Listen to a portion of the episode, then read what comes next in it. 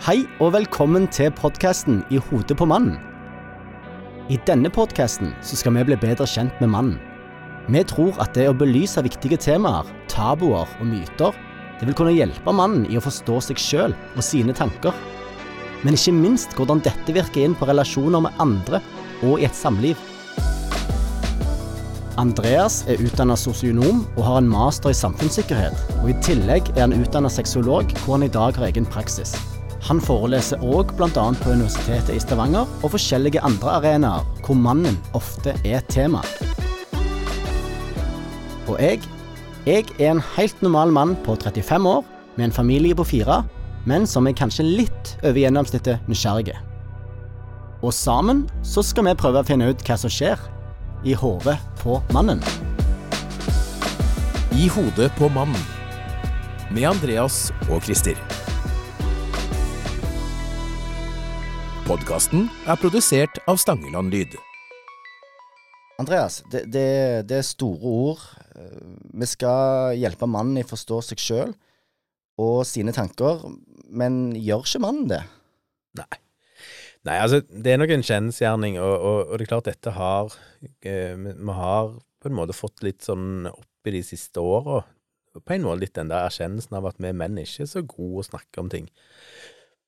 Derav òg er vi ikke så gode å forstå oss sjøl, for vi blir sittende mye alene med våre egne tanker, og så legger vi de litt sånn bak oss. Så går vi egentlig og eh, ikke har fått verken bearbeidet eller snakket ut om de tingene som kanskje plager oss. Og så har kanskje menn da en tendens til å få det ut i en form for atferd. Altså, vi blir sinte, vi blir frustrerte, bitre, osv., osv. Kvinner er mye bedre å snakke sammen og lære seg sjøl å kjenne gjennom å snakke med andre. For det blir ikke god stemning når, eh, når mannen er litt eh, kort og lunta, og det er litt eh, Det bygger seg opp. Det blir, det blir sjelden god stemning da. Det blir sjelden god stemning, og, og, det ser vi jo i form av familieterapi. Vi ser det i form av folk som skilles og går fra hverandre, og eh, mye konflikter mellom par. Eh, der kanskje menn har en mye mer atferd å, å vise dette på, eh, enn å virkelig kunne si hva de føler. Mm. Og vi håper jo at dette ikke bare skal kunne hjelpe mannen, eh, for ofte så jo, bor jo sammen, mannen sammen med, med, en annen eh, mann eller dame. Og eh, da kan det være greit for den andre å vite hva som skjer i hodet på mannen. Ja, jeg tror det er vel kanskje noe av den en av de viktigste grunnene til at vi òg tenkte denne podkasten. For det, gjennom det at menn ikke har vært så flinke å ordlegge seg, flinke til å sette ord på sine følelser, så har det jo blitt en haug med myter. Eh, og kvinnen lever jo, eller partner, om det er en mann eller kvinne, lever jo i, ofte i disse mytene, da. Fordi at mannen kan jo ikke verken avkrefte de, eller mm. uh, bekrefte de, når de ikke greier å uttrykke det. Mm. Eh, så, så, vi har fått en haug med myter om mannen, som kvinnen òg har. Eh, og det jeg har sett i, i eh, mitt arbeid, er jo at dette skaper mye frustrasjon for kvinnen òg. Mm. Og kvinner har òg ofte en tendens til å tenke at det kanskje er noe galt med meg i sånne situasjoner. Vi må starte litt fra begynnelsen av, Andreas. Hvem er med, og hvem er med til å snakke om dette? I hodet på mannen. Med Andreas og Christer. Jeg heter Christer Stangeland. Jeg har utdanning som elektriker og har jobba i radio i ti år. Har òg jobba innenfor kultur og uteliv, og ble der kjent med ganske mange artister og komikere som jeg har fått gleden av å jobbe med videre. Jeg har mitt foretak Stangeland Lyd, som eh, produserer denne podkasten. Og for tida så studerer jeg til å bli lærer. Jeg har to barn, hus, samboer. Og eh, sånn er det. Hvem er, hvem er du, Andreas? Jeg er jo Andreas, da. Eh, jeg har jo, eh, skal vi si, på en måte litt sånn eh, erfarings-aliaset eh, vårt her. Hvordan sier det sånn? Ja, for jeg, jeg, på en måte er jeg, jeg, vil på en måte påstå at jeg representerer litt mannen i gata. Ja. Og du, som vi skal komme tilbake til nå, du har jo en lang erfaring og utdanning. For hva er det du har på, på CV-en? Jo, altså jeg har eh, siden 99 på en måte så har jeg jobba med mennesker i veldig ulike kontekster. Jeg har jobba mye barnevern, mye rus, mye psykiatri. eh, egentlig innom de fleste arenaene der sårbarhet eh, hos mennesket er å skape utfordringer. Eh, og der har det jo òg vært mye menn. Det er jo Mm. menn vi skal snakke om her. Eh, så jeg har blitt kjent med menn sine tanker, menn sine følelser, og mangel på å uttrykke de gjennom de erfaringene. De siste åra så har jeg undervist eh, mye på universitetet, eh, innenfor tema som òg handler menn. Jeg har eh, undervist litt rundt omkring, eh, undervist i fengsel. Eh, ulike arenaer knytta til menn, menn med, som har sykdommer, osv., osv. Eh, men så driver jeg jo òg en eh, klinikk, eh, for jeg er utdanna sexolog. Og det var vel kanskje der min aha-opplevelse knytta til menn og eh, Hva skal du si Hvor kompliserte menn egentlig er, Ja, kom. rett og slett. Eh, for det er klart det har vært Kanskje helt naturlig, men jeg har hatt eh, mest menn som kommer til meg. Mm. Eh, opplever kanskje at det har vært lettere for menn å snakke med meg som en mannlig sexolog. Så den, det er klart den sexologerfaringen har vært eh, kjempeviktig med tanke på det temaet vi skal snakke om. Eh, men òg disse andre eh, eh, erfaringene jeg har med meg med å jobbe med menn i psykiatri, menn i rus og menn i fengsel. Eh, sant? Du har blitt kjent med disse harde Altså, det er noe i uttrykket 'store menn gråter' også, eh, og det har jeg jo på en måte personlig fått erfart gjennom jobb. Mm. Eh, både i fengsel og ut forbi fengsel, på gata. Eh, eh, hva rus gjør med deg eh, som mann, eh, hva psykiatri gjør med deg som mann, osv., osv. Så, videre. så jeg tror på en måte summen av Summen av de erfaringene de siste 20 åra eh, kumulerer jo på en måte opp i at eh, menn er noen jækla kompliserte mennesker, de òg. Ja, tenk det. Skulle ikke tro Mm. det. Du, um, dette er jo en podkastserie som skal ta for seg forskjellige temaer. I dag så er det jo lystproblematikk og ereksjonssvikt som vi skal snakke om, om litt. Men bare for oss å få de som hører på, til oss å få et bilde over Mm. hva denne podkastserien skal handle om videre framover. Jo, altså, det er klart det mm, eh, Seksualitet blir jo et tema som kommer igjen eh, ved senere episoder òg. Nå i dag starter vi med lystproblematikk og dette med ereksjonsproblemer, mye på grunn av at jeg tror kanskje det er noe veldig mange menn eh, lurer litt på. Mm. Eh, men så går vi jo liksom videre i den leia med litt om seksualitet, men vi er òg innom dette med menn og forelskelse. Ja. Er det forskjell på mann og kvinne når det kommer til forelskelse? Eh, vi går innom på dette med menn og ensomhet. Menn er kjempehøyt representert når det kommer til ensomhet. Eh, menn og sykdom. Mm. Eh, vi ser jo at menn er faktisk òg mye dårligere å takle det å være syk. Så det Mm. må vi på en minne om. Og klart seksualitet kommer òg inn i forhold til dette med sykdom. Eh, og porno. Mm. Eh, pornoen er kommet for å bli. Eh, og det er ikke til å stikke under en stol at der eh, igjen ennå er på en måte flest menn som ser porno. Mm. Konsekvensene av porno må vi komme innom. Både ikke for å moralisere, men for å være litt nyansert i forhold til dette med porno. Er det en utfordring, eller er det ikke en utfordring for menn, dette? Mm. Eh, dette med menn å snakke om følelser. Ja, for der er vi ikke gode. Nei, og det er jo kanskje litt sånn den der gjennomgående tonen i denne podkasten òg, at vi er Vi starta jo med det i dag, gjorde vi ikke det? Mm. Eh, han Ja, skal vi si det er en litt sånn rød tråd. Altså, Mm. menn er ikke gode nok til å snakke om følelser, og det er det vi vil touche litt innom, og, og få prøve å skape en, en type forståelse for det, og en, en litt sånn eh, Hvorfor er ikke menn gode til å snakke om følelser? Ja, og når du nevner disse temaene, så dukker det opp mye spørsmål i hodet mitt. Eh, og det blir veldig kjekt å høre og snakke om disse temaene. Vi har òg lyst å få besøk av eh, forskjellige gjester, enten om de kan veldig mye om faget sitt, eller om de er bare en kjekk gjest som kan bidra på Mm. andre måter. sant? Um, vi har òg uh, lyst til å få, ta imot spørsmål fra, fra lyttere. Uh, der har vi jo uh, Facebook-sida i Hodet på mannen, og det samme med Instagram. Så du kan sende inn uh, spørsmål, og selvfølgelig så er jo alt uh, anonymt og konfidensielt. Så jeg vil bare ha det protokollført at denne episoden skulle egentlig vært ute for en stund siden. Vi, vi, vi lagde en uh, første episode, og så venta jeg jeg på en sånn en voiceover som skulle lese en jingle. Og når den da ble utsatt, for han fikk korona og, og sånn, og da fikk jo meg og deg hørt på, på den podkasten, første episoden, en del ganger. Og, og det er jo det, når du hører på en ting du har lagd mange ganger, så begynner du å tenke å, kanskje vi skal gjøre litt endringer her og der. Så skulle vi gjøre det. Men så fikk jo plutselig meg og deg eh, ble vi satt ut av eh, Yes, yes. covid. Var det jeg som smitta deg? Nei. Jeg vet ikke, men, men eh, du vet jo, vi skal jo snakke om menn og sånn, men, men jeg føler jo at vi menn blir veldig mye mer syke. Jeg har vært elendig. ja, jeg òg har det. Og hun som jeg bor med, hun, hun rista det av seg på, på, to, på en to dager, mens jeg hadde ei uke. Og jeg har ennå ikke helt uh, fått kondisjonen tilbake. Jeg puster jo bare av å gå opp ei trapp.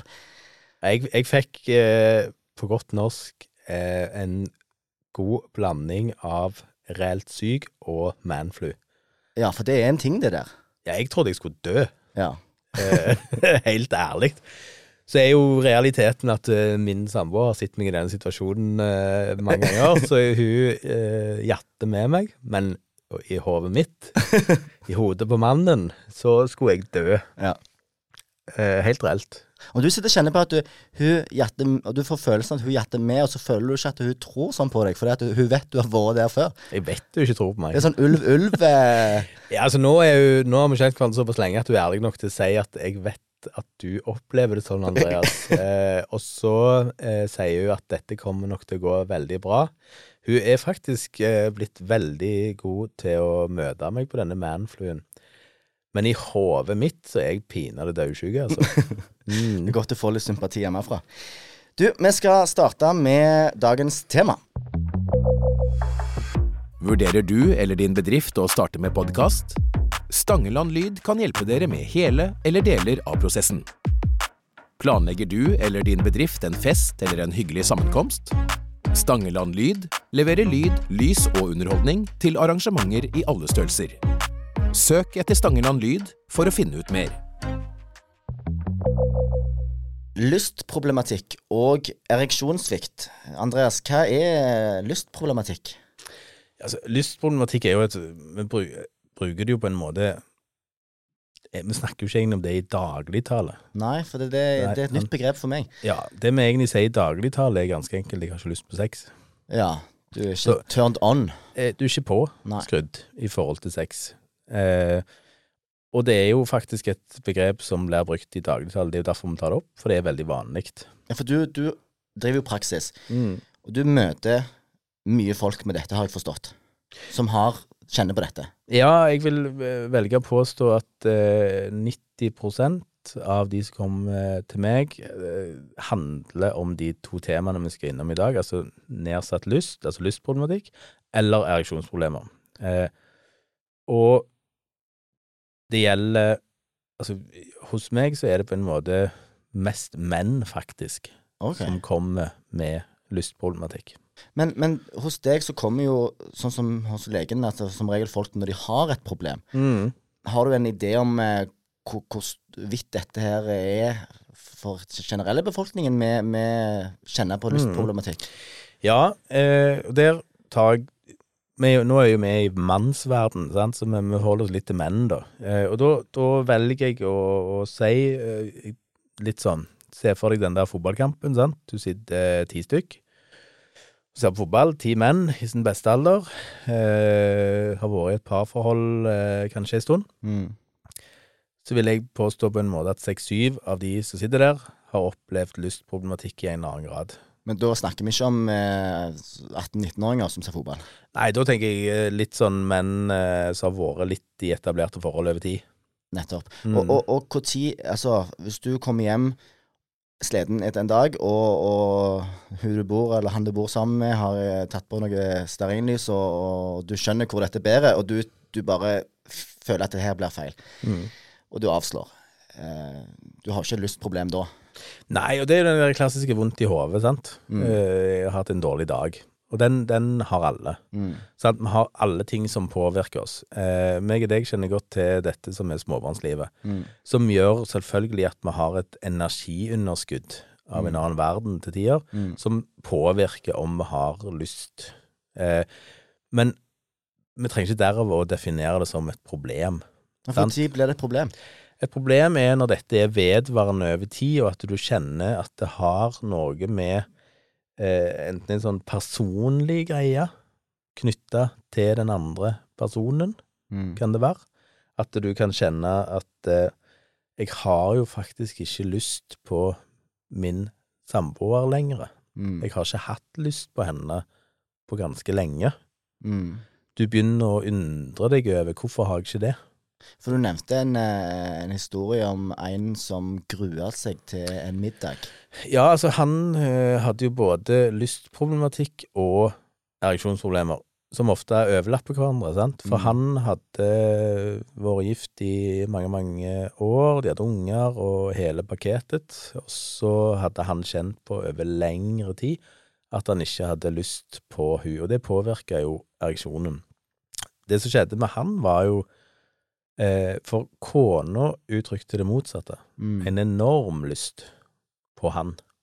Så her var det jo en mismatch, sant. Hun hadde veldig lyst på sex med han, men han hadde ikke lyst på sex med henne.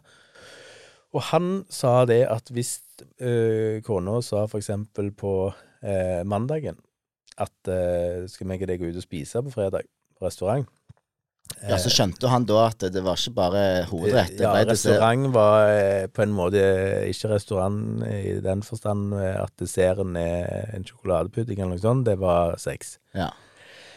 Så greia var, det visste jo han, sant, når, når hun sier restaurant, så mener hun at da skal vi kose oss, skal vi hjem og ha sex etterpå. Mm. Eh, og hvis hun sa det på mandagen, så begynte han å grue seg allerede når hun hadde sagt det, og så gikk han og grua seg mandag, tirsdag, onsdag, torsdag, og så var han helt kjørt på fredagen. Ja. Av to grunner. Én, jeg har jo ikke lyst på sex med henne. To, jeg får han ikke opp. ja, sant. Så det, det ene tar jo det andre, det.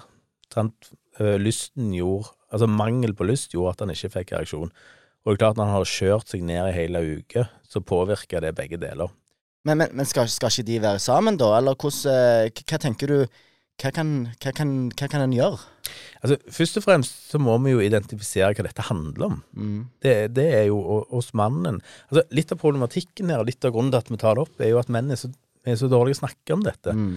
Så kanskje mannen ikke helt vet hva det handler om. Nei. Så vi må prøve å identifisere dette. Og eh, det er sånne naturlige prosesser som, som kanskje kan være med og, og eh, sette litt sånn ord på hva kan dette handle om, da. Mm. For det, det vet jo både du og jeg, at når vi, nå er vi jo på en måte i samboerforhold begge to har vært en del år. Eh, når vi traff våre samboere, iallfall for min del, så var hun den eneste ene i hele verden, og tenningsmønsteret var Altså, du hadde jo lyst på den personen hele veien. Ja, for du har aldri hørt om noen som er nyforelska, og som, eh, som sliter med dette? Ja, Det er- det òg, og det Ja. kan vi komme inn på i en annen episode. Eh, litt sånn eh, startproblemer i et forhold. Det Ja. bør vi jo faktisk ha som tema, Kristian. Ja. Eh, men, men Det, det, det er ikke det klassiske. det er ikke det klassiske. Det klassiske er at vi treffer noen, og så skjer det noe med hodet. Vi får veldig mye endorfiner og eh, noradrenalin. Og det er to hormoner som gjør at vi blir veldig begeistra. Det hjelper oss Ja. positivt. Ja, samtidig som du blir jæklig nervøs, sant? for vi har truffet noen. Det, det skaper enormt mye i kroppen. Men det det iallfall skaper, er lyst. Mm. Og så varer jo denne. sant? Vi har jo denne fredningstida i et forhold som varer på en måte ganske lenge for mange. Det kan vare et par år, det, på en måte. Mm. Men det, vi snakker om den der klassiske ett år, så, så begynner liksom denne nyforelskelsen å avta. Og etter en fire-fem år så er vi jo ikke nyforelska lenger, eh, de fleste av oss. Og da skjer det noen ting som kan påvirke mannen spesielt i forhold til dette med eh, lystproblematikk. Det ene er jo det personlige. Jeg har ikke lyst på den personen lenger. OK. Eh, det er noe med den personen som har endra seg. Ja, Snakker med fysisk eller inni hodet? Eh, det kan være begge deler. Det kan både være at eh, jeg fysisk ikke tenner lenger. Altså, tenningsmønsteret mitt er på en måte knytta til et eller annet, og det har endra seg. Jeg tenker at det, det er noe med henne som, som jeg ikke tenner på lenger. Hun har gjerne endra seg. Mm. Jeg har sett henne hver dag som gjør at jeg har lyst på noe annet. Mm. Eh, som kan skape en del frustrasjon og påvirke.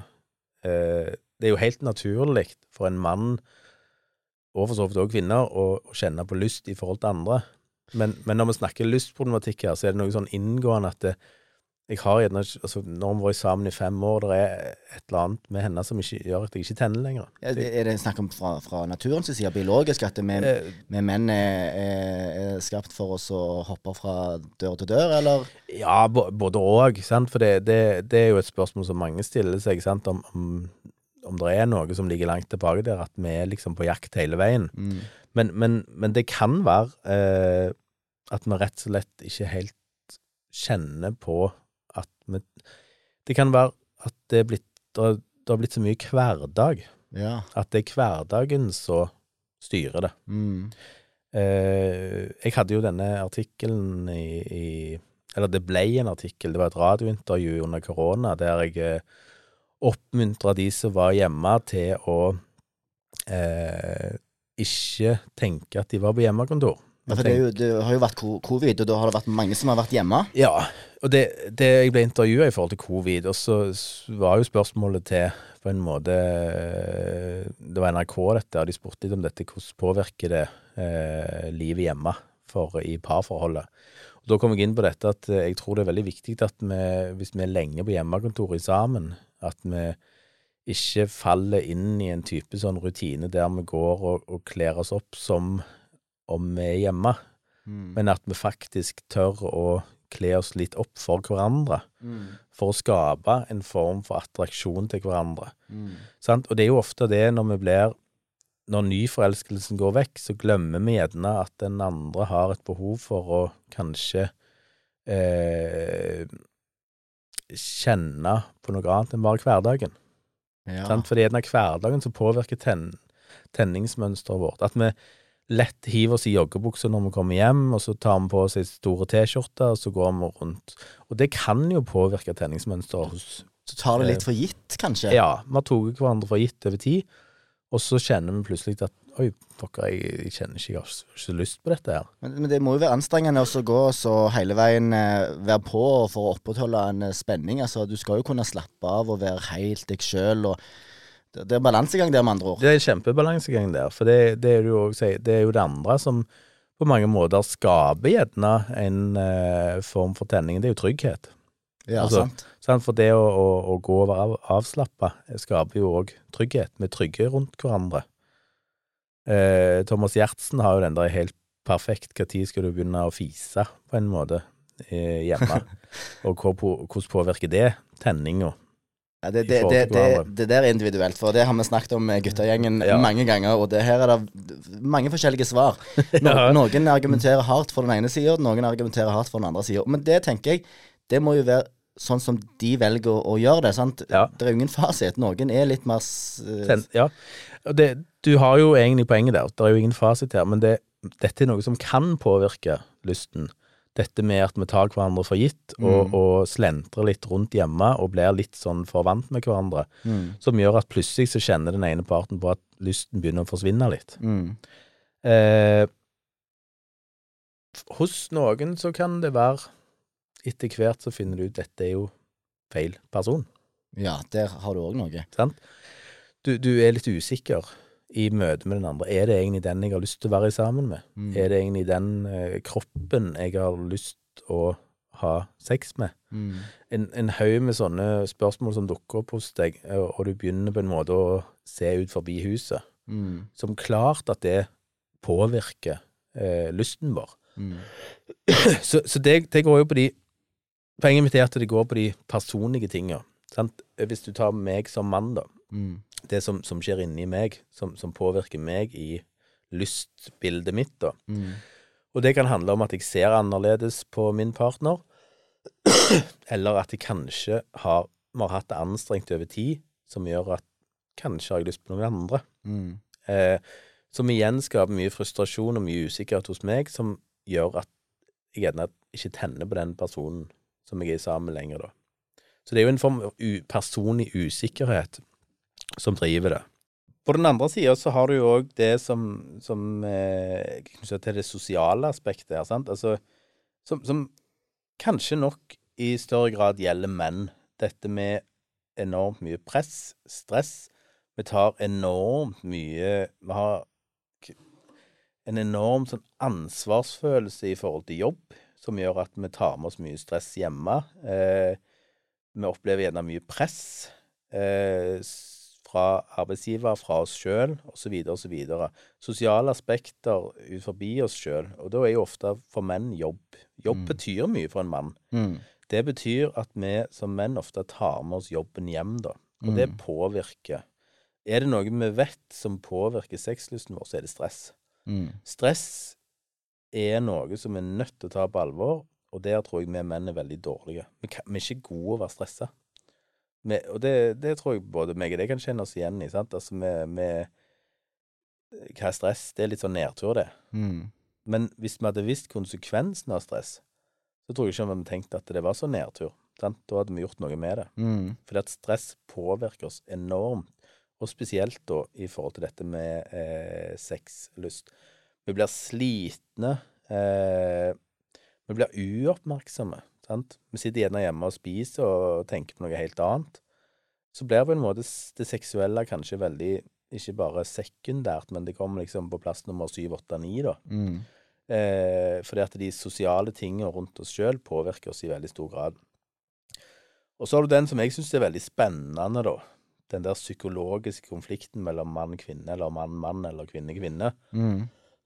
som foregår i et eh, parforhold, som òg påvirker sexlysten. Eh, det jeg opplever veldig mye i konflikter, det er jo at jeg skal ha rett. Ja. Sant?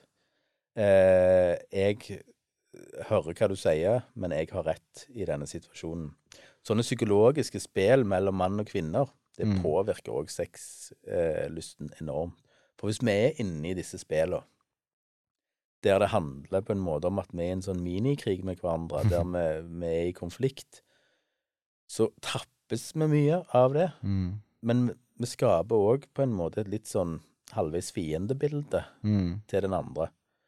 Og hvordan skal vi da kjenne på lyst? Ja, det er et godt spørsmål. Da, vi snakker jo ofte om det der makeup-sexet, sant? Det er filmskapt. Eh, Ja, på mange måter, og det handler jo om at vi er jo så gående at eh, på en måte det, Da får du en del andre aspekter, dette med nærhet og trøst og sånn, som gjerne påvirker det. Men i konflikten, så For å si det sånn, hvis vi er i et sånt et spel hjemme, så har vi egentlig ikke lyst på sex med den andre når det spillet foregår. Mm. Og se situasjoner da der som jeg opplever veldig ofte, der dette psykologiske spelet eh, får lov å leve i mange år. Mm.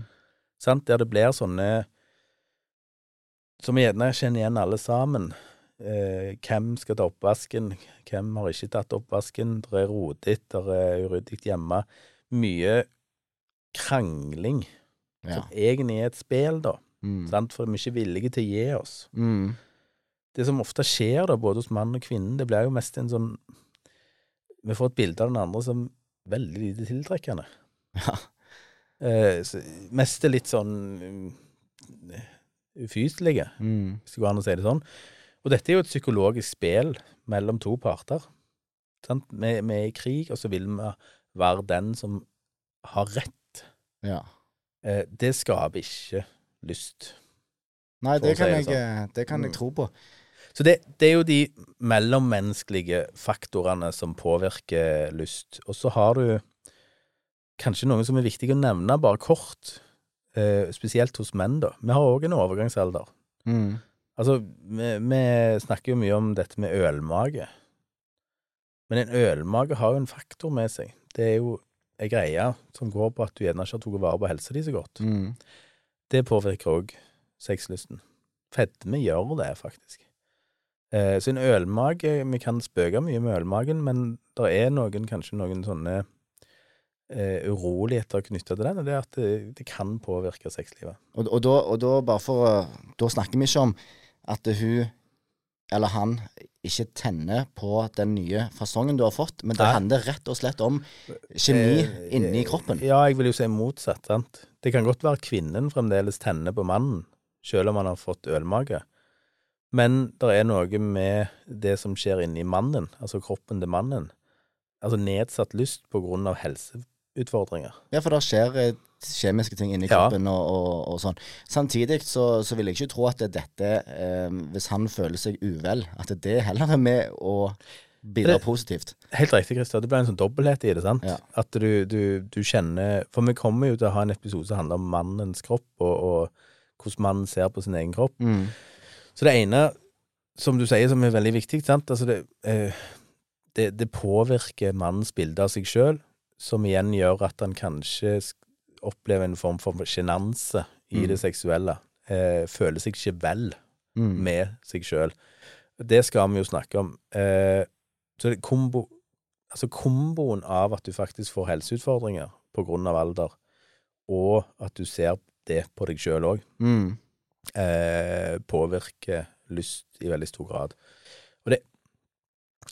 Det, det, Altså, vi spøkte jo litt med at vi hadde vært i korona begge to, Mm. og jeg, jeg, jeg vil jo tippe at når jeg følte meg at jeg holdt på å dø mest til det, så er det ikke sex jeg tenker på i den situasjonen Nei, med nei. hun jeg er sammen med. Tvert Nei. imot, så Helseproblemer er en ganske sånn, hva skal du si, eh, egoistisk greie, sant? for du begynner å kjenne på ting med deg sjøl Mm. som Du begynner å få vondter, du begynner å få plager. Så det psykologiske spillet med deg sjøl starter jo der, og det kan òg påvirke hvordan du ser den andre. Ja. Sant? Du, du, du, du greier ikke å ha fokus på den andre, for du, du kjenner på dine egne vondter, på dine egne begrensninger, osv., osv. Og, og hvis du puster av å gå opp ei trapp, Mm. så kan det være òg vanskelig Å gjennomføre å gjennomføre i en, en type seksuell situasjon. Mm. Eh, Som igjen påvirker lysten, sant? for du, vi menn har jo kanskje en tendens til å springe litt vekk ifra det, da. Mm. Sant? Istedenfor å gripe dette an, så springer vi litt vekk ifra det. Så eh, kanskje vi sier til oss sjøl at ja, ok, sex er ikke så viktig, jeg har ikke på en måte lyst, fordi at vi har fått noen begrensninger i Mm. kroppen vår. Vi skal jo eh, ta imot eh, spørsmål fra de som hører på. Eh, nå har vi jo første episode, og eh, åpenbart ingen spørsmål i dag. Men hvis jeg kan være lytteren i dag, så kan jeg jo spørre om um, hva som påvirker sexlysten min. Vi har jo vært innom det, men Mm. for å gi en sånn konkret liten liste over hva som kan påvirke Hva du kan egentlig litt ta tak i, da. Ja, og der er det jo igjen tilbake til de der tre eh, forskjellige faktorene. Og en som jeg tror er veldig viktig, er jo forholdet mann-kvinne. Nå har vi jo snakket en del om Dette er jo Veldig ofte når de kommer til meg, så er det jo litt etablerte forhold som, som har vart over tid. Mm. Og det som viser seg, altså grunnen til at sexlysten kanskje forsvinner, det er både det personlige, det sosiale og det psykologiske spillet. Mm. Eh, inni der så ligger det jo noe som handler om kommunikasjon Mm. med hverandre. Mm. Eh, det som jeg opplever, er jo at vi underkommuniserer. Vi snakker ikke sammen. Mm. Vi glir fra hverandre. Og det er jo kanskje en sånn klassiker, da. Sant? Den, alle er jo kanskje kjent med den. Men viktigheten av den eh, kan vi ikke si for ofte. Det at vi må snakke sammen om disse tinga. Eh, for det at lyst handler jo om at vi er nær hverandre. Mm. Det er det relasjonelle, det er ikke det fys... Altså, det er ikke det fys... Det, det er veldig knytta til hvordan meg og deg har det i sammen. Mm. Eh, jeg kan si en historie der for, som, som viser en ting som jeg syns er, det er en litt sånn happy, romantisk greie, Ja. skal jeg si det. der. Ja, bring it on. Eh, men jeg, jeg ble kjent med en kar når jeg studerte, som, eh, som eh, var eh, en del år eldre enn meg. Det var når jeg tok masteren, dette. Han var et par 40, og så hadde han vært sammen med hun som var ungdomskjæresten. Mm. Og de hadde holdt de sammen, og han sa han var egentlig ganske forelska i henne ennå. Og for en som kom fra litt eh, Var ungkar og spelemann og hadde vært det en del år, syns jeg dette var litt merkelig. Mm. Hvordan i hoen greier du det? Mm. Eh, og det han sa, for de hadde fire unger, tror jeg Det han sa, var at de etter denne nye forelskelsen så skjønte de at vi må, det er et eller annet vi må gjøre her for å bevare oss i et forhold. De fikk tidlig unge nummer én, da, og skjønte at dette påvirker oss Mm. som par. Så de inngikk en sånn pakt, da, at eh, hver dag så skulle de bruke en halvtime der de delte en sigarett og et glass rødvin. De delte det, da. Så når ungene var lagt eh, De hadde en sånn vinterhage, da. Så gikk de ut der, og så delte de De røykte ikke til vanlig, noen av de. Nei, sant? Men det var det de skapte som en sånn felles greie, da. Den ene røyken og et glass rødvin. Og så satt de ute på denne, i denne vinterhagen, og eh, mens de da drakk opp dette glasset med vin og denne røyken, røykte den opp, så hadde de en samtale seg imellom. Og den hadde ikke lov å handle om unger Ja. eller jobb. Den skulle handle om de. Den ene halvtimen hver dag. Det er bare å notere ned, for dette er, høres ut som et godt tips. Selv om røyk og alkohol Ikke bra. ikke er bra. Og ikke, ikke bare er det ikke bra, men hvis du trekker det lenger, og hvis du, hvis du, hvis du ikke hadde klart å stoppe med den ene røyken og den eh, Ja, ja, ja. ene Det er jo glasset, faren. så hadde jo det bidratt eh, negativt på, på helse, Ja. og selvfølgelig òg eh, disse tingene. Ja da. Så dette var jo to ting som de fant var si greie. Mm. Eh, vi må finne vår greie. Mm. Men poenget deres var at her finner vi en sone i løpet av en dag, og det er en halvtime. Mm. Det har alle tid til. Mm. Der vi bare har fokus på oss. Mm. Det trenger ikke være så dypt. Det trenger ikke være så alvorlig. Men det er to stykk som snakker med hverandre, og viser hverandre at vi er faktisk ganske nær. Mm. Og dette har de holdt på med i alle år. Selv om de har vært ute og reist, så har de ringt hverandre og delt denne Da har de kutta røyken i to, og delt eh, røykt en halv røyk hver. Ja. Og, og helt oppi et halvt glass vin istedenfor et helt.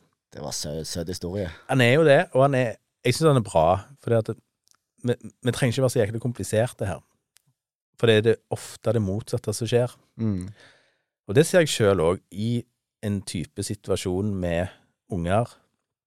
Eh, jeg vet ikke om du kjenner igjen det, Christer, men det er veldig lett at dagen blir Vi står opp, har egentlig ikke tid til å si hei til hverandre engang, for ungene har vekt oss. Og så eh, er det få opp ungene, få de i barnehagen, gå på jobb, komme hjem fra jobb. Bang, bang, bang, bang. Og så er det få de i seng. Og så er det et eller annet på TV, eller ut og gjøre noe. Ja. Og så får vi ikke den der lille halvtimen. Nei, det, er- det er veldig fort gjort å, å glemme hverandre oppi det Ja. hele. Sant? Du, du har det kjøret, og så når kommer, kvelden kommer, så må én være hjemme, og så får den andre vært ute, eller Mm. Ja. så, så Så, så den der lille halvtimen, den forsvinner, og den skjer ikke. Ja. Og, og, og vi har gjerne da ikke sett hverandre hele dagen. Det blir jo på en måte konsekvensen. Og hvis dette pågår over tid, så glir vi fra hverandre. mm. Eh, så altså, lyst For å fòre lysten, så trenger vi nærhet til den andre. Det er det ikke tvil om.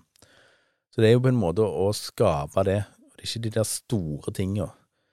Eh, mange har jo sagt, og, og sexologer òg sier det, at vi må på en måte kanskje ristarte oss sjøl med å, å, å skape denne lysten med å gjøre litt andre ting. Kanskje vi skal kle oss litt ut. Sant? Eh, Litt sånn roleplay, litt uh, leketøy, og så vice versa. Ja, uh, kjempegode ideer det òg, for oss på en måte kanskje komme ut av et mønster. Mm. Uh, gjøre oss li litt mer spennende enn vi er i hverdagen. Men jeg har veldig troen på den der lille halvtimen. Relasjoner. Ja. Jeg har veldig tro på det relasjonelle, og at det blir bevart. Og så er det kanskje der vi Det er det vi glemmer ut. Hvis vi skal oppsummere eh, lyst, eh, så, er, så vil jo relasjoner være den ene punktet. Tid til hverandre. Eh, så går det jo det på med fysiologiske med helse, og, og at, du, at du er uthvilt, at du, er, du, du, du trimmer litt og spiser greit. Det har jo en effekt, sant? Var det noe mer på den oppsummeringslista? Eh, ja, altså det er jo først og fremst å eh, prøve å ta seg sjøl litt på alvor og finne ut Altså være ærlig med seg sjøl. Ja. For i både det sosiale, det personlige og eh, dette spelet, så ligger der et eller annet som er knytta til deg sjøl. Mm. Hvis du opplever stress på jobb, så er det faktisk litt opp til deg å redusere det stresset. Mm. Så da, og hvis det påvirker hjemmesituasjonen, så har du et valg.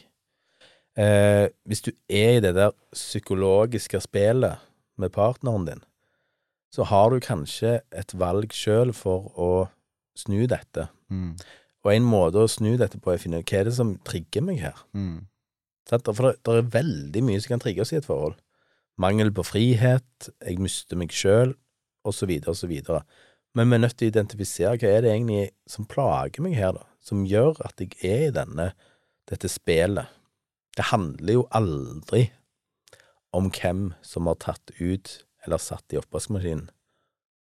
Vi skal nok snakke mer om lystproblematikk. eh, Vi kommer nok innom dette seinere i andre temaer. Men jeg tror vi setter, litt, eh, setter punktum for, for akkurat dette temaet nå, og så kan vi gå over til neste tema. Du, ereksjonssvikt, er det, er det vanlig? Det er iallfall mye vanligere enn vi tror.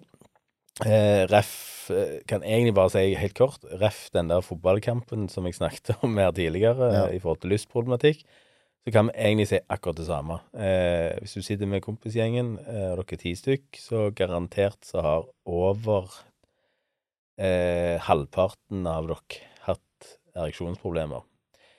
Men det som kanskje er mest interessant med ereksjonssvikt, det er jo eh, hvorfor er det et problem? Mm. Hvorfor tror du det er et problem, Christer, for en mann at han ikke får ereksjon?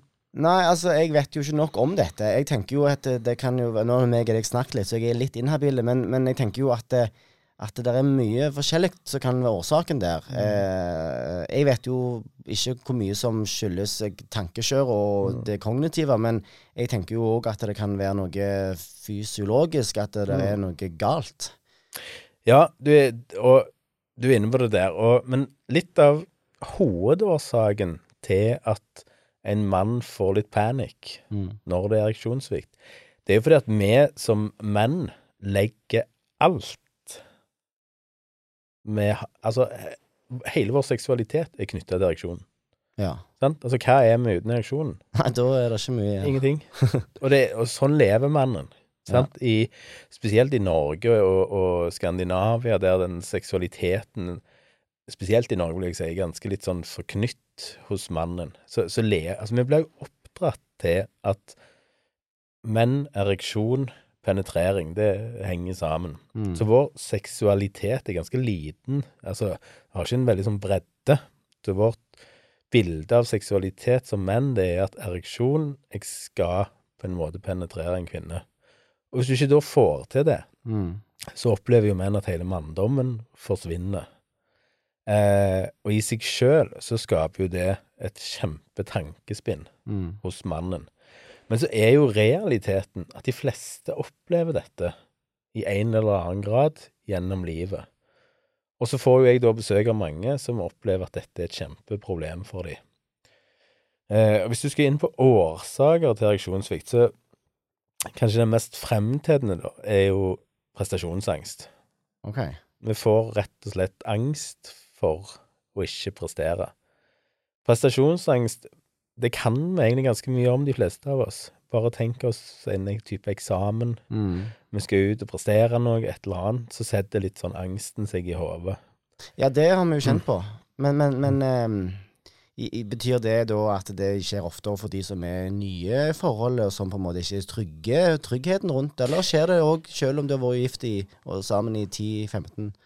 Begge deler, men men du er nok inne på et veldig godt poeng der når du sier trygghet. Sant? For det, det handler ofte om utrygghet. Sant? Vi, vi er ikke Og det er klart, ja, i begynnelsen av et forhold, vi kjenner ikke den andre kroppen veldig godt. Vi kjenner gjerne ikke personen veldig godt. Vi, har, vi, vi er på en måte i utrygge situasjoner, og så tenker vi at her må jeg prestere. Mm. Eh, så så i, i begynnelsen av forhold så er det en viss risiko for reaksjonssvikt.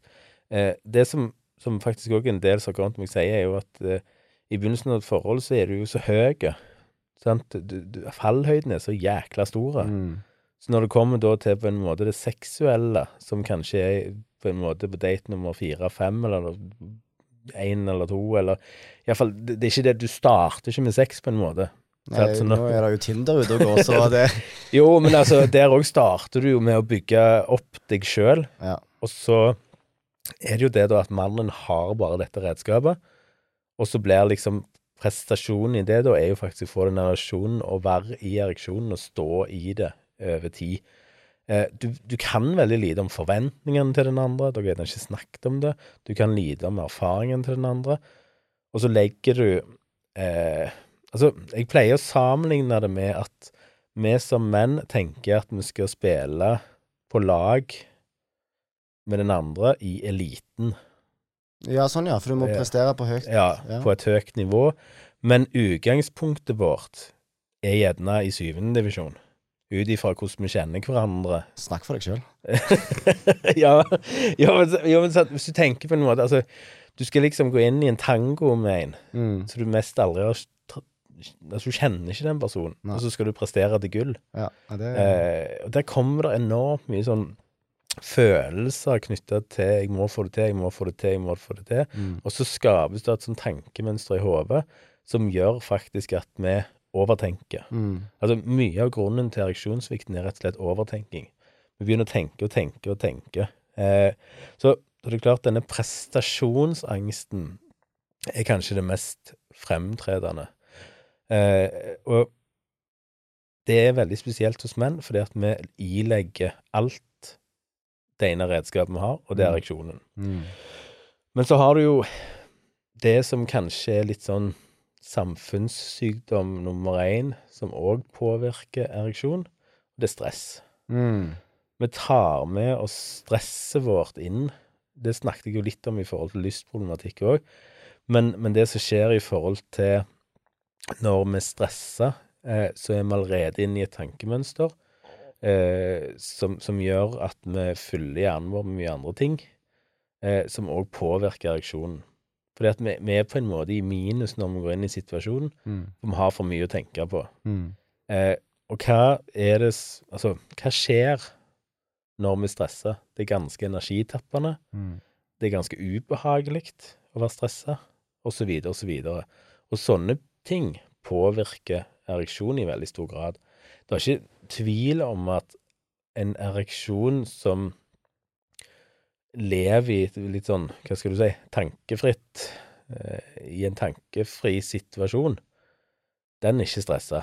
Mm. Da, da, da er det ikke så mye som påvirker ereksjonen. For dette, hvis du tenker at eh, en ereksjon er veldig knytta til hva signaler hjernen sender ned, da. Mm. Hvis den hjernen er fylt av mye annet, så er det ikke så mye signaler som sendes ned. Og da kommer, kan på en måte det òg påvirker at vi er usikre, vi er utrygge, vi er nervøse, vi er stressa. Vi har med oss altfor mye tanker inn. Mm. Eh, og det gjør eh, veldig ofte at én, vi får ereksjonssvikt med en gang. To, vi kan miste reaksjonen underveis. Ja. For det at vi begynner å tenke for mye inne i eh, samleie. Vi begynner å tenke på ting som gjerne ikke handler om denne situasjonen i det hele tatt. Det er stresset som Mm. vi tar med inn. Eller to, vi begynner å tenke på situasjonen. Har den andre det godt?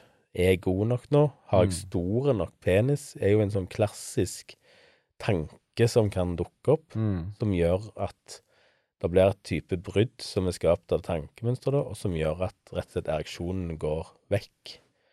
Det høres ikke kjekt ut. Nei, og veldig mange opplever det. De kan oppleve på en måte at reaksjonen er der når de starter, og så er de inne i en situasjon der dette er ganske godt, det, det begynner å bli bra, og så plutselig er det en eller annen tanke som setter seg, som er negativ, og så blir han slappe. Og så kommer nedturen. Mm. Og hva vil du når den nedturen kommer? Du vil vekk fra situasjonen. Mm. Eller du vil febrilsk få han opp. Ja, det nytter jo ikke sikkert. Og da har du ikke sjans. Nei. nei. Så, så både Kom igjen nå, kom igjen nå, sant? Ja, ja, ja. Det, det, går ikke. Nei, det har ikke sjans. Og, det er jo det de fleste gjør, istedenfor å på en måte slappe av. Kanskje bare ta litt tid for å prøve å få litt sånn tankefritt eh, En tankefri opplevelse igjen. Så blir det jo enda mer stressa. Mm. Sant? Og så kjenner du kanskje den personen ikke godt nok til at du kan kommunisere dette ut. da. Mm. Og nedturen er allerede på en måte litt der, når jeg er blitt slapp. Så det kommer litt skammen inn òg. Det er klart, hvis du kjenner denne personen kjempegodt, så trenger ikke det å være et problem. Nei. For da kan vi bare gjøre noe annet imens, og så kommer han gjerne opp etter hvert. Når, Ja. du, når du slapper av igjen. Men kjenner ikke du så veldig godt den personen, da, så er det veldig sjelden at de situasjonene skapes. Og da blir det en klein situasjon. Og det som er med en klein situasjon, at den kan sette seg. Å ja, sånn ja. Så sant? neste gang. Ja, du blir, du blir Ja, altså, for tenk deg det samme, sant. Du stryker på en eksamen. Da er du, du litt får litt eh, dårlig sjøltillit på Ja. akkurat det området, da. Som, Ja. som du tar med deg eh, til en annen Ja. gang. Og da er du inne i et mønster, plutselig. Ja, det Så, så veldig mange av de som, som har kommet til meg, de opplever jo på en måte at dette skjer gang på gang på gang, og så er på en måte unntaket kanskje de gangene det går greit. Ja. Eh, og der har jeg jo mange av de som kommer inn som er par som gjerne har vært sammen et halvt år, et års tid. Litt utrygge på hverandre ennå. ja. Så har de kommet inn i et som et mønster. For det, Sånn som jeg tolker det, da, så er det litt sånn eh, de som, Det med prestasjon og sånn, det er kanskje de som ikke har vært sammen så lenge. Mens eh, hvis det skjer når du har vært sammen lenge, så er det kanskje litt mer stressrelatert og litt mer Ja. eh, sånne ting. Jeg tror du er inne på det der. Eh, jeg tror nok det er godt oppsummert i forhold til de to tingene. For jeg tror det, Altså, i begynnelsen av et forhold så er vi på en måte så hormonelle i positiv forstand at Mm. vi, vi tenker ikke så mye på det stresset som, som ligger ut forbi.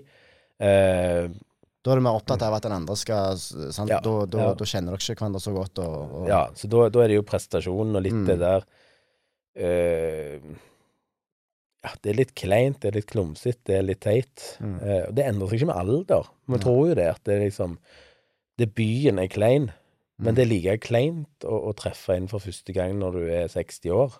Altså, jeg, nesten, jeg tror det, nesten som jeg tror det kan bli verre. For når Ja. du er ung, så, så tenker du gjerne ikke så artig, det er så, ikke så farlig. Nei, du er gjerne full. Ja, det òg. I, i, veldig mye av debuten skjer jo i fylla. Ja. Så du, så du ilegger det ikke så stor vekt, men når du er oppe i åra, så er det gjerne Ja, sier du er skilt og treffer noen for første gang etter det 30 år siden Ja. du var Og da tenker du da Arne, nå, Det er ikke så ofte det reker noen forbi, nesten, og da har du den ene sjansen, og da må du prestere, sant? Mm. Ja. Det så, så prestasjonsangst og stress er jo to ting som knytter det. Men så, så har du jo det der som eh, som, som kanskje det mest alvorlige mønster som jeg opplevde. Det er litt sånn dyptliggende situasjonsbetinga mønster som har oppstått. Jeg kan eksemplifisere det. Eh, for jeg har en kar som, som jeg har snakket med, som, som har vært i et uh, forhold i mange, mange år med en psykisk syk uh, partner. mm. Kommer ut av dette, uh, og det tar veldig lang tid før han begynner å date. Når han da skal begynne å treffe noen, så er hodet hans i en eller annen historie fra fortida allerede. Mm. Og det han mye tenker på, det er 'tenk om hun er sånn som forrige', Mm. 'tenk om dette òg går til helsike', osv., osv. En haug med tanker som han tar med seg inn, som egentlig er knytta til hans eh, tidligere forhold, Mm. som gjør at han ikke får reaksjon. Mm. Eh, får ikke det. Det er en sånn De kaller det jo en, en blokkering. Mm. Det er en kjempeblokkering her. Det er en mur som gjør på en måte at eh, vi stanger. Mm. Og den er jo litt alvorlig, for det er et sånt mønster, så du, du, du må på en måte jobbe med livshistorien. Sant? Hva, Ja. hva, sitt, hva er det som har skjedd i livet ditt som gjør at du får denne blokkeringen nå? Mm. Ja. Eh, de, de har jeg en del av, som, som, som kom inn med disse historiene. De trenger ikke være sånne kjempetunge historier heller. Men det høres ikke ut som det når jeg er quick fix. Nei, det er ikke noen quick fix. Du, og derfor eh, må du på en måte som sexolog, så, så må du, du må liksom vekk fra sexsnakket. Du må liksom inn i Ja. historiene og det relasjonelle. Eh, et annet eksempel der eh, var et par som kom inn, der første gang de hadde en seksuell opplevelse sammen, eh, var så negativ Mm. for han. Han kom fra et litt sånn tradisjonelt eh, forhold med tanke på at det skulle være litt sånn romantisk. Du skulle bygge den seksuelle opplevelsen opp.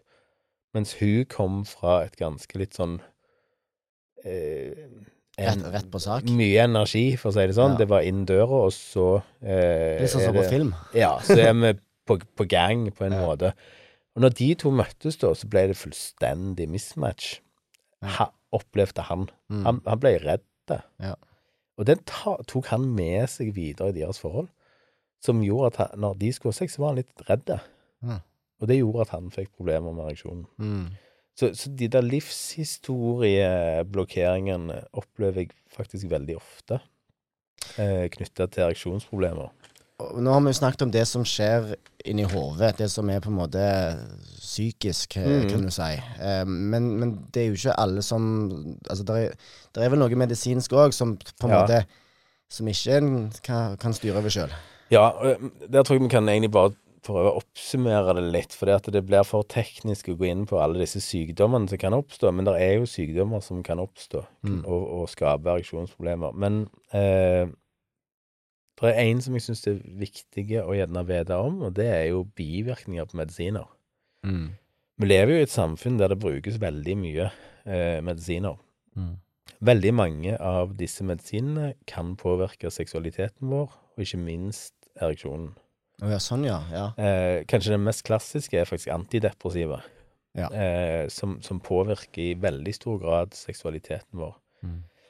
Som, som Vi vet jo at vi lever i et samfunn der det blir det er veldig stor bruk av antidepressiva. Eh, så vi vet at det er et problem Mm. i forhold til seksualiteten. Og hvis du ikke er klar over at dette har noe med medisinene å gjøre, så går du gjerne inn i noen sånne nye, mørke tanker, da. Mm. Sant?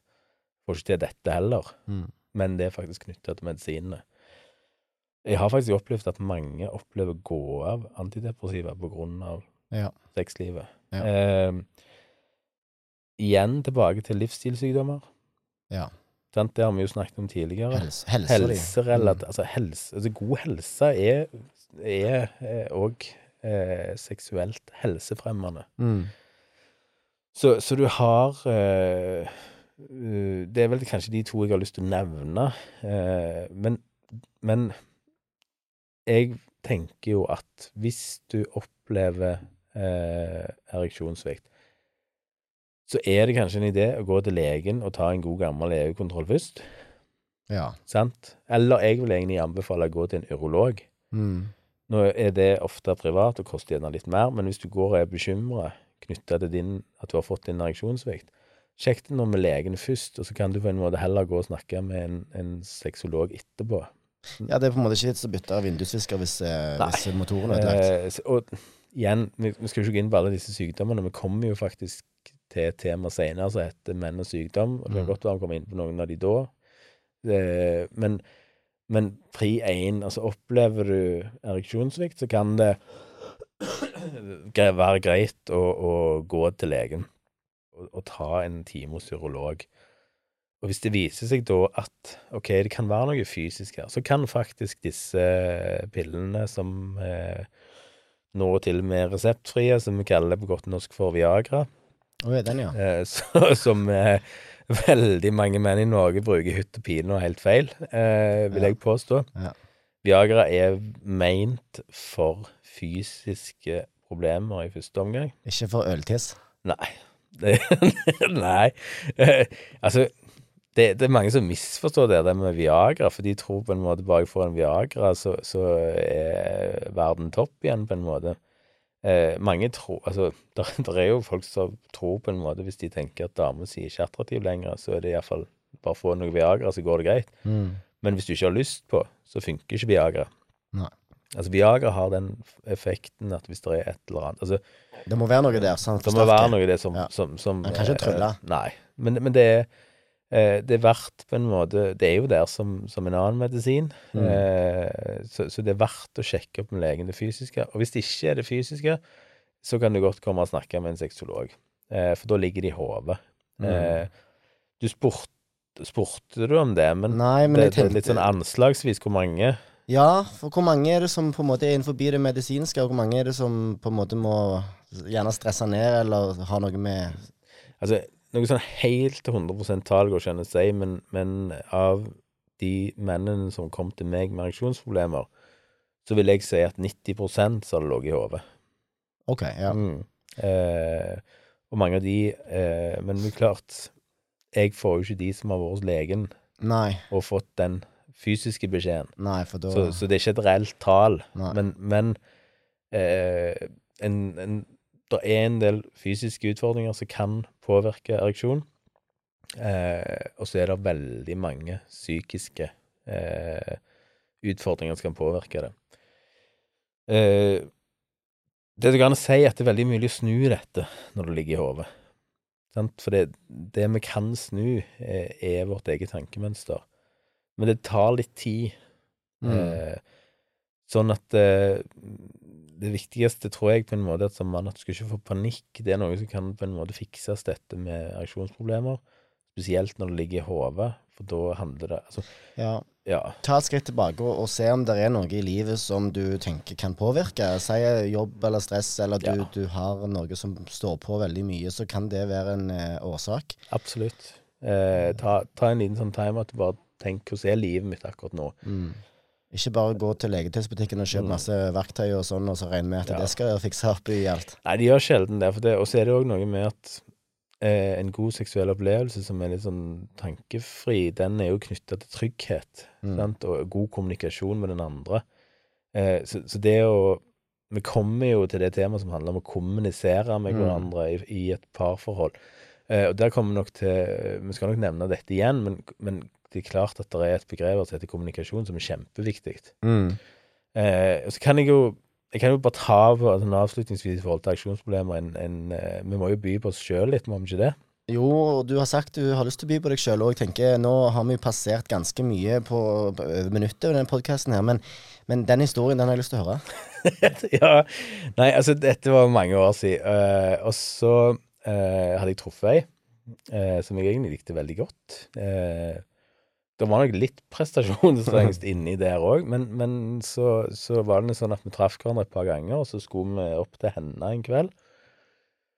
Og så eh, skulle vi inn i denne senga, og så var det ganske mørkt når vi kom inn der. Mm. Eh, og jeg var, var betatt av denne dama. Jeg kjente jo lyst, og det var ingen problemer knyttet til dette her. Eh, jeg likte den veldig godt. Men så kom jeg opp i den senga, og så var det Så var det var silke all over. Eh, det var et silkelagen, det var silkepute, og det var silke eh, det under Holdt jeg på å si, hva heter det? Ja, Eh, Jeg vet ikke. Ja, altså, alt var bare silke. hadde du tillegg silkebokser på deg av den tida? Ja, det var det pinadø òg. Men poenget var at jeg begynte å skli. Ja. Så jeg fikk jo helt panikk når jeg skulle på en måte romstere meg inn i denne senga. For det, det var så mye silke at det ble så glatt, hele greia. Ja. Så når jeg skulle på en måte da eh, ha samkvem med denne kvinnen, så det heter på godt norsk, Mm. så sklei jeg.